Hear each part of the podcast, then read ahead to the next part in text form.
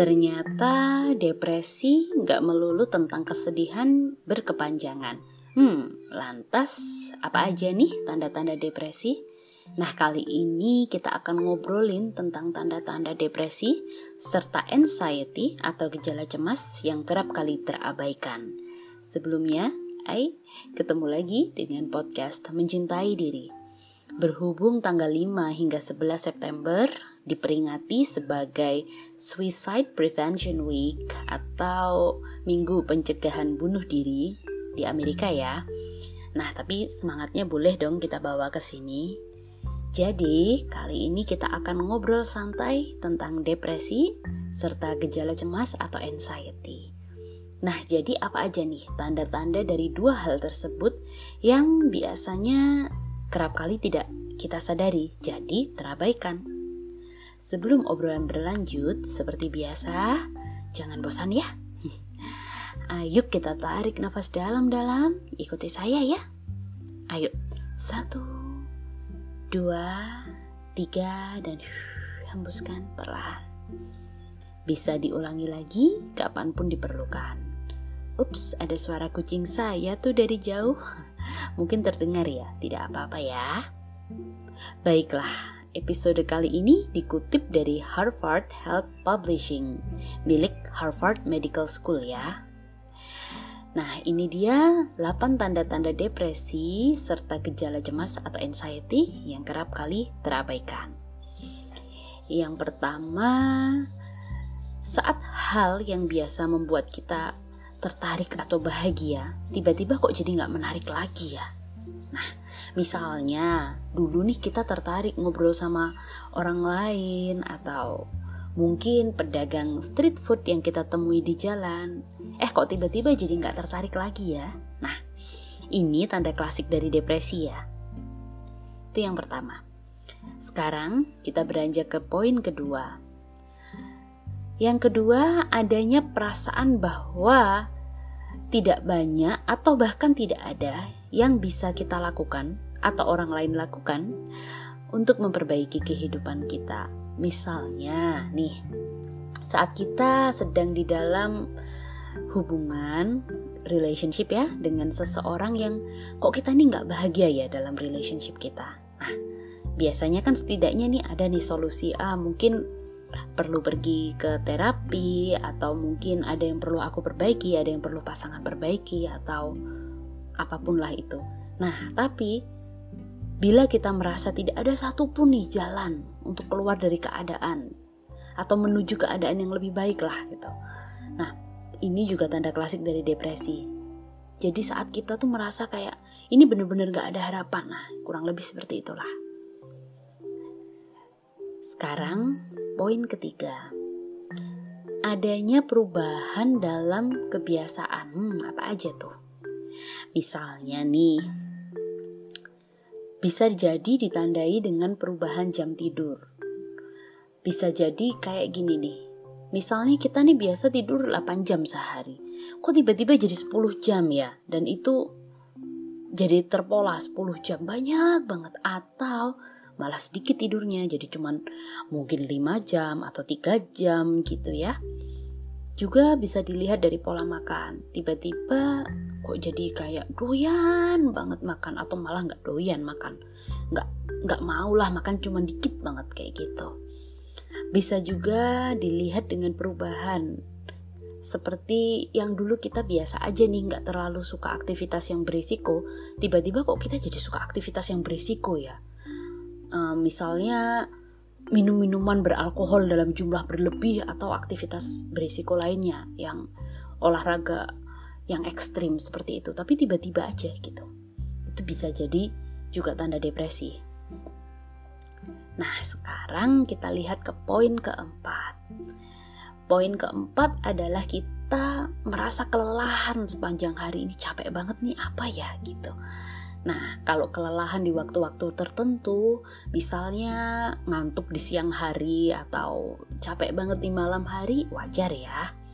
Tapi kalau kelelahannya terjadi sepanjang hari dan itu kok dalam jangka waktu yang cukup panjang ya. Nah, itu ada kemungkinan bisa jadi disebabkan oleh depresi, bisa jadi juga disebabkan oleh gejala cemas atau anxiety atau karena kondisi medis khusus lainnya. Jadi, bila mengalami hal ini, kelelahan sepanjang hari dalam jangka waktu yang cukup lama, jangan ragu untuk menghubungi fasilitas medis terdekat ya. Oke? Nah, itu empat poin pertama. Bila diperlukan, sekali lagi, jangan lupa untuk tarik nafas dalam-dalam dan hembuskan perlahan. Kapan pun diperlukan ya, meskipun tidak sedang mendengarkan podcast ini. Nah, ayo kita sekarang lanjut ke poin kelima dari gejala depresi serta anxiety yang kerap kali terabaikan. Nomor 5, kesulitan untuk fokus dan membuat keputusan. Nah, kesulitan untuk konsentrasi atau memperhatikan orang lain bila berkelanjutan juga perlu diwaspadai sebagai gejala depresi. Nah, siapa nih yang pernah mengalami kesulitan untuk berkonsentrasi atau memperhatikan orang lain? Selain itu, orang yang memiliki gejala depresi serta gejala cemas, nah ini bisa dua-duanya bisa salah satunya ya.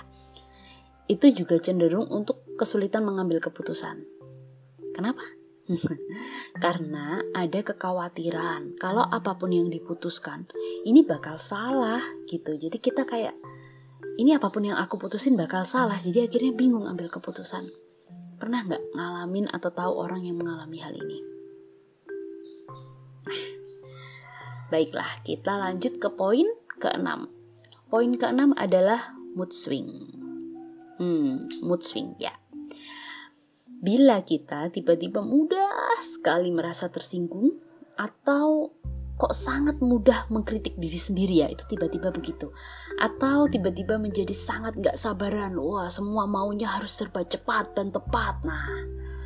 Atau ya aneka jenis perubahan mood lainnya yang berkepanjangan. Jadi ini terjadi nggak cuma sehari doang tapi bisa beberapa saat gitu ya. Nah ini bisa jadi juga merupakan tanda-tanda depresi serta gejala cemas nah salah satunya juga bisa Nomor 7, kekhawatiran yang berlebihan.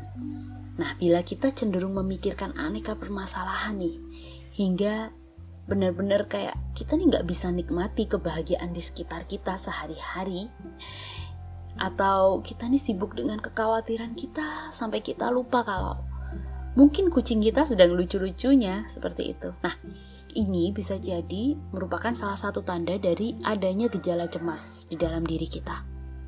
Nah, ini dia poin terakhir. Ingin untuk sendiri.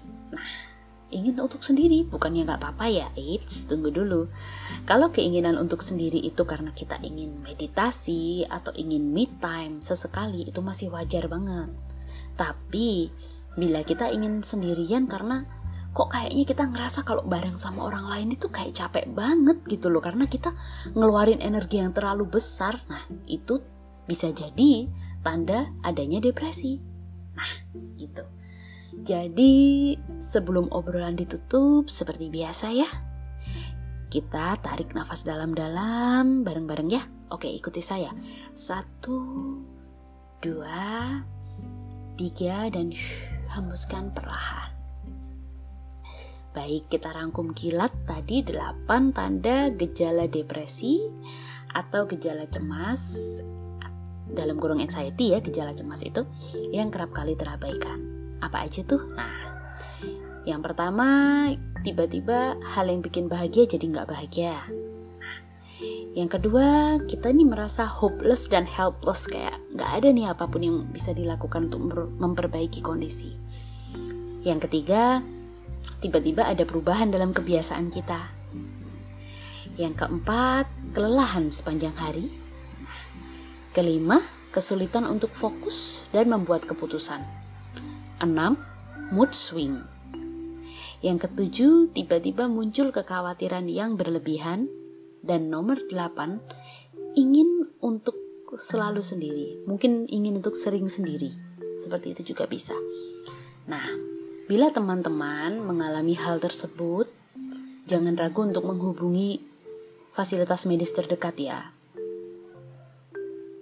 Terima kasih sudah bergabung dalam obrolan kali ini. Peluk jauh ya untuk teman-teman yang sedang mengalami gejala depresi atau mungkin gejala cemas, anxiety ya.